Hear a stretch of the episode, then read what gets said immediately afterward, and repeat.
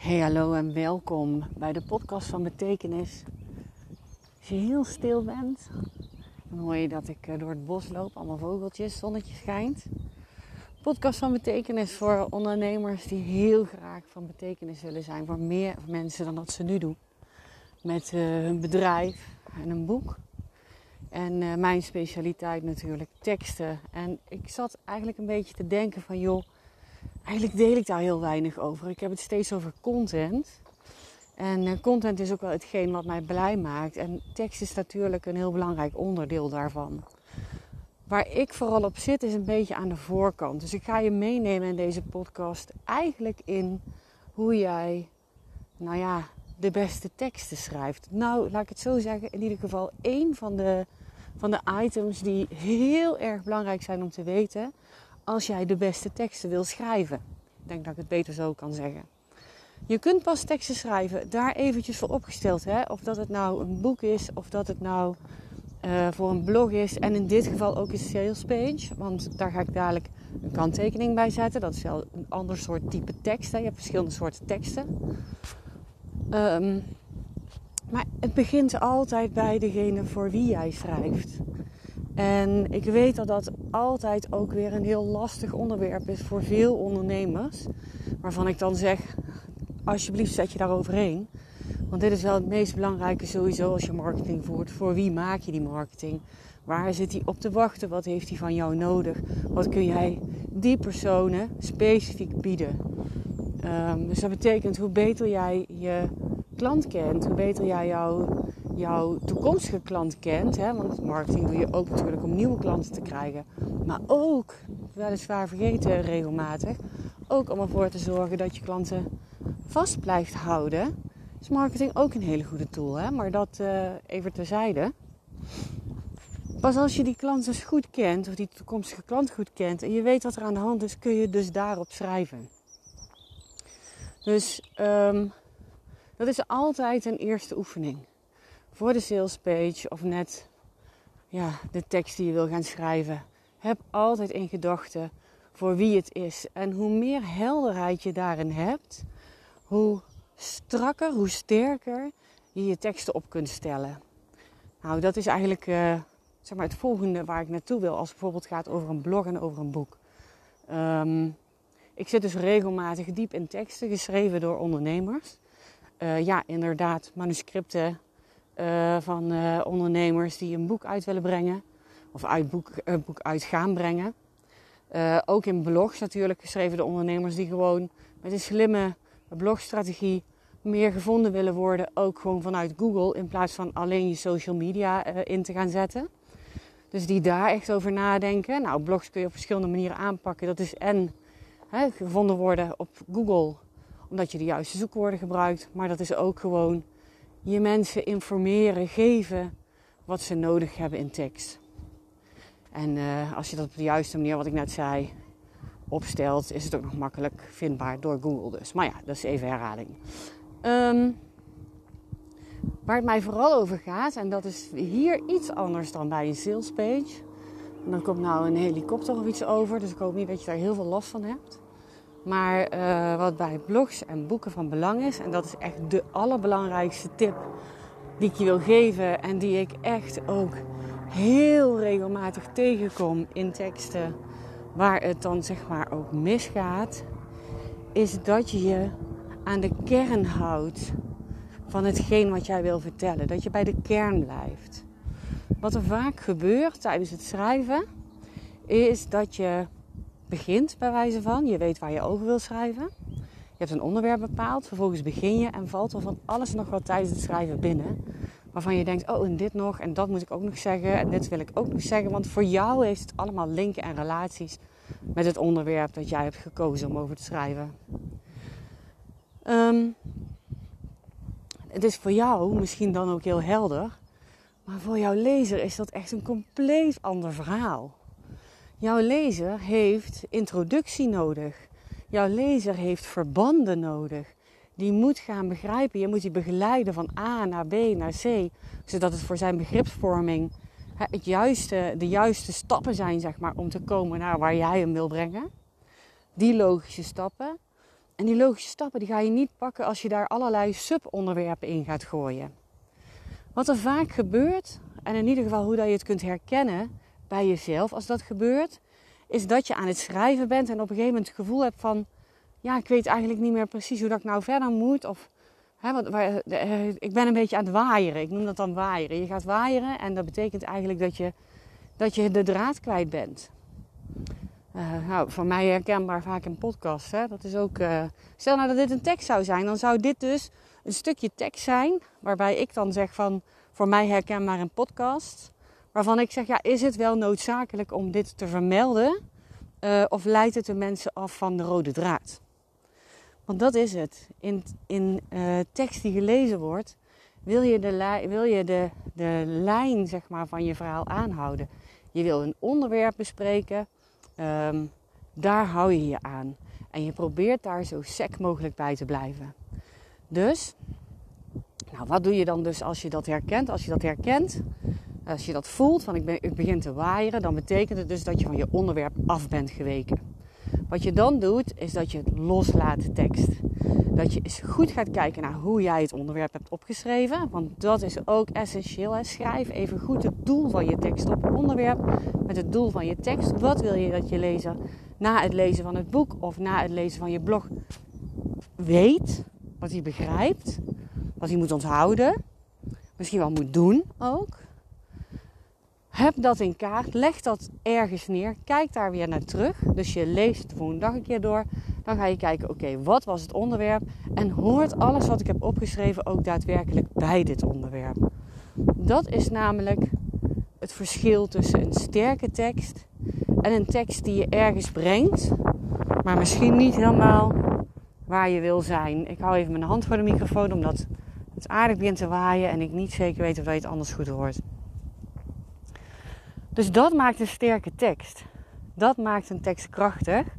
En dat maakt ook dat een tekst doel bereikt. Want als die gaat waaieren, gaat hij ook geen doel bereiken.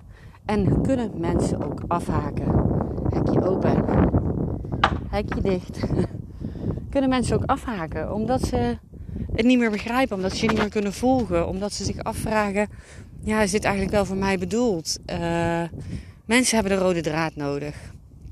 Wat je kunt doen om je daarbij te helpen, is dat je heel bewust op zoek gaat naar tussenkopjes. Dus uh, wat ik vaak zie is dat mensen hele lappen tekst kunnen schrijven. Uh, sommige mensen zelfs zonder daar witregels tussen te doen. En witregels zijn in teksten heel erg belangrijk. Hallo. Witregels zijn in teksten heel erg belangrijk. Omdat ze de lezer rust geven.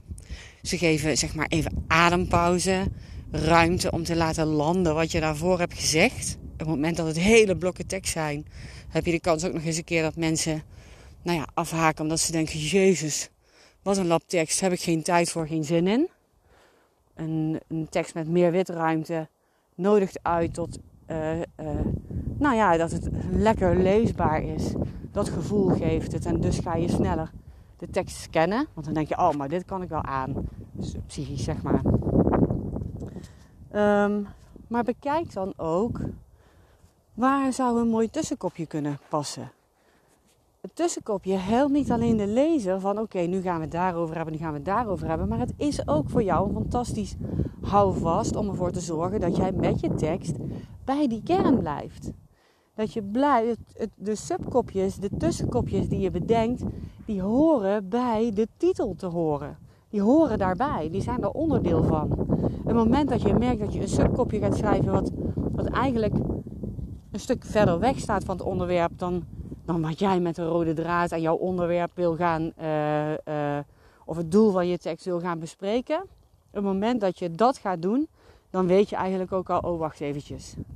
Uh, dit hoort hier niet bij. Als je nou iemand bent die tussenkopjes niet meteen al schrijft, hè, maar die daar gaandeweg doet te zorgen, of gaandeweg die dat achteraf doet, om ervoor te zorgen dat het nou ja, behapbaar is, zeg maar, je tekst. Dan kun je dat misschien iets makkelijker controleren. Maar voor jezelf is het ook fijn om al van tevoren, zeg maar, het moment dat je dus je tekst, als je dat, dat uh, bouwplannetje maakt, hè. Dus wat is het onderwerp? Wat is het doel van de tekst? Wat wil je dat de lezer weet, begrijpt en dergelijke? Op het moment dat je dan het onderwerp hebt, dan pak ik meteen eventjes gewoon een paar bullets met de subonderwerpen die je dan zeker naar voren wil laten komen. Dat zijn de, de, de onderwerpen zeg maar, voor je tussenkopjes. Dat is hoe je die tekst op kunt bouwen om mensen van A naar B te laten gaan. Nou, uh, dit is dus ook zeg maar weer uh, het verschil zeg maar, voor mij als het gaat over een podcast en uh, tekst schrijven. Ik probeer dus bij de teksten, ben ik continu bezig met dat to the point blijven. Niet gaan uitwaaieren. En dat kan omdat ik steeds kan teruglezen. Ik kan steeds opnieuw gaan kijken van oké, wat hoe heb ik dit nou geschreven? Uh, komt het wel over, weet je wel? Dus ik check het continu. Uh, de podcast is voor mij iets om op te nemen waarin ik meteen begin te praten. Gewoon vanuit een bepaalde inspiratie. Uh, en als we het dan hebben over het stemmetje wat ik vaak hoor in mijn hoofd van... Hé, hey, wacht eventjes, wat ben je nou toch allemaal aan het doen? Die heeft dus heel vaak te maken met het feit dat ik die structuur dus dan ook niet heb. Die ik wel heel erg oppak in die teksten. Nou, dus dat even uh, een van de belangrijkste. En ik ga je er toch nog eentje geven, nou we toch aan het uh, praten zijn. Het belangrijkste is dus dat je zorgt dat alles wat je schrijft, dat bij het onderwerp hoort, dat je niet gaat uitwaaieren. En je kunt jezelf dus afvragen van, wacht even, wat ik nu aan het schrijven ben, hoort dit eigenlijk wel bij de boodschap die ik eigenlijk wil geven? Of is het een ander onderwerp? Het moment dat het van belang is om een sidestep te nemen in een tekst, omdat je toch iets anders even moet uitleggen voordat iemand weer verder kan, dan introduceer die uitleg. Wat ik vaak zie gebeuren is dat, ze, uh, dat de auteur, zeg maar, dus de schrijver, die neemt dan de lezer mee en in één keer komt er een nieuw onderwerp. En er wordt geen verband gelegd zeg maar, met het voorgaande stuk. Dus het nieuwe onderwerp komt gewoon naar voren, dat wordt erin gegooid. En vervolgens is het aan de lezer om zelf nou ja, te begrijpen en te snappen uh, dat het een sidestep is, maar dat het wel van belang is om te weten. Daarom zie je vaak terug, zeg maar, als ik auteurscoach, dat ik ook echt terugverwijs, hè, zoals ik je eerder daar heb uitgelegd, als voorbeeld. Want dat zijn grote, uh, grote uh, ja, dat, gaat over nou ja, 60.000 woorden, dan heb je dat af en toe wel nodig om het op die manier te doen. Um, in een blog bijvoorbeeld kun je echt wel gewoon aangeven van voordat we verder gaan, moet ik je echt eventjes uitleggen hoe, uh, of wat dit en dit nou betekent. Of hoe dat en dat werkt. Of geef ik je eventjes een uh, inkijkje in, zodat je weer verder kunt. Nou, dat laatste schrijf je dan maar wel voordat we verder gaan. En dan zo introduceer je een onderwerp. En wat dan ook heel erg fijn is, is dat je aangeeft waarom het van belang is dat iemand dat moet weten. Dat iemand die sidestep moet kennen. Dat iemand, dat iemand begrijpt dat het dus nodig is, zeg maar, om het eventjes te snappen voor de rest van het verhaal. Dus introduceer de sidestep als die noodzakelijk is. Nou, dat is het eigenlijk. Als ik nou dan terugdenk naar hoe dat ik uh, deze podcast heb ingesproken, dan gaat het over probeer te schrijven zonder sidesteps. Hè, om het zo maar te zeggen. Blijf zoveel mogelijk bij het onderwerp. Vraag je af of dat een sidestep die je maakt, of dat die wel noodzakelijk is voor de tekst. En als die noodzakelijk is, dan geef het aan dat je een sidestep maakt. Dat je even iets moet uitleggen. Dat daar een verband voor is, dat er een reden voor is. Leg het uit, neem die lezer mee en pak hem daarna weer terug op die rode draad. Dit is, uh, vind ik toch wel een van de belangrijkste tips die ik kan geven als het gaat over schrijven van teksten. Waar ik mee begon was dat het belangrijk is om te weten voor wie je schrijft. En um, zo zijn er wat meer zaken die vooraf interessant zijn om te weten. En dat kom je heel vaak tegen als het gaat over de content die ik met je deel. Want om goed te kunnen schrijven, moet je eigenlijk heel goed voorbereid zijn. Nou, niet eigenlijk, moet je gewoon goed voorbereid zijn. Je moet goed voorbereid zijn op dat wat je wil gaan vertellen. Je moet weten wat je gaat vertellen. Je moet uh, begrijpen wat het kennisniveau is van degene voor wie je schrijft. Daarom is het zo van belang je klant te kennen. Of je toekomstige klanten kennen. Um, daar zit ik dus veel op het content, op het creëren van content, waar tekst altijd voor nodig is. En op het moment dat je dat allemaal helder hebt en in kaart hebt en je weet wat je wil bereiken, je weet wat je wil bereiken met je tekst. Je tekst is eigenlijk een sub-sub-sub onderdeel van je ondernemingsdoelstellingen. Hè? Dus je hebt je ondernemingsdoelstellingen, je hebt je marketingdoelstellingen, contentstrategie. Dat betekent dat je ook weet over welke onderwerpen je gaat praten. En pas veel lager niveau, zeg maar, komt dan daadwerkelijk die tekst. Dus, nou ja, ik heb wel besloten dat ik je ook meer tips wil geven hierover. Ook vanwege het feit dat als je dit onder de knie krijgt, dat het je ook enorm helpt in je, uh, nou ja, mondelinge communicatie. Als je schriftelijk sterk bent, ben je mondeling qua communicatie ook een stuk sterker. Wat ik bijvoorbeeld merk aan mezelf. En dat ik weet, ik, dat is eigenlijk een hele vervelende eigenschap die ik zo min mogelijk laat merken. Maar ik, nou, ik zal wel over op elkaar spelen, dat doe ik wel vaker. Um, en dat mag ook wel. Ik ben dus ook heel erg getraind in, oké, okay, come to the point. Vooral wanneer ik tekst van een ander ontvang. Um, en dan mondeling tekst. Dus wanneer iemand iets uh, tegen mij vertelt, is, het, is de aanloop die heel lang, hè, als het dan heel lang duurt, omdat ik heel erg zit op wat is de kern van je tekst, wat is het doel van je tekst, denk ik eigenlijk ook zo als ik met mensen in gesprek ben of mensen gaan in gesprek met mij. Oké, wat is het doel van je gesprek? Wat wil je, wat wil je hieruit krijgen? Wat wil je? Uh, wat, wat wil je? Klinkt een beetje. Uh, ik zeg al, het is niet een hele positieve eigenschap, maar een hele lange introductie uh, kan je enorm afleiden van hetgeen wat jij eigenlijk met iemand wil bespreken. Hè? En ik heb het dan dus over het feit dat jij zeg maar de spreker bent die een hele lange introductie doet, terwijl je een bepaalde kern wil vragen. Die hele introductie is soms zo afleidend en in de tekst zou ik dus zeggen van schrappen, want het voegt niks toe aan het doel, aan het onderwerp en waar je eigenlijk wil komen. Nou, uh, meer schrijftips dus. Dan zou je dus eigenlijk dit hele stuk er weer uit kunnen halen.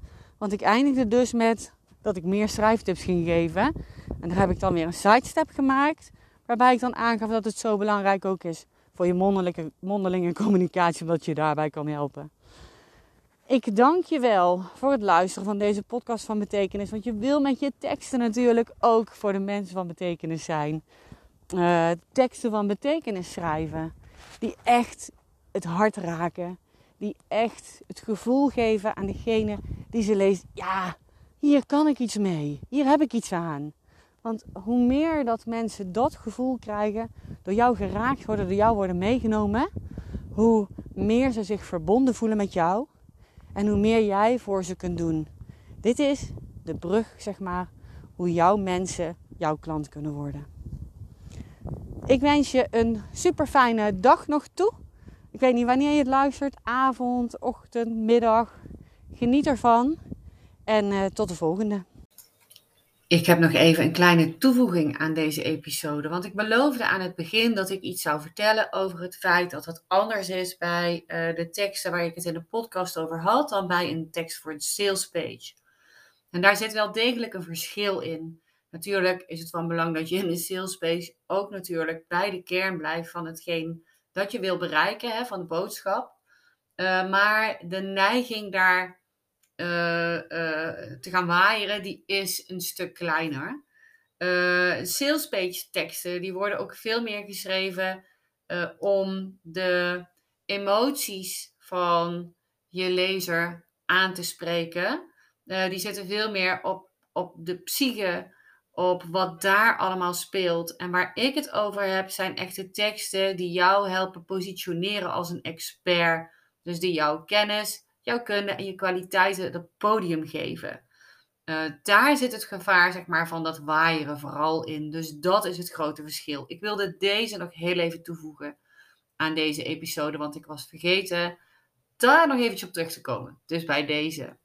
Ik wens je een fijne dag verder. Dankjewel voor het luisteren en tot de volgende episode.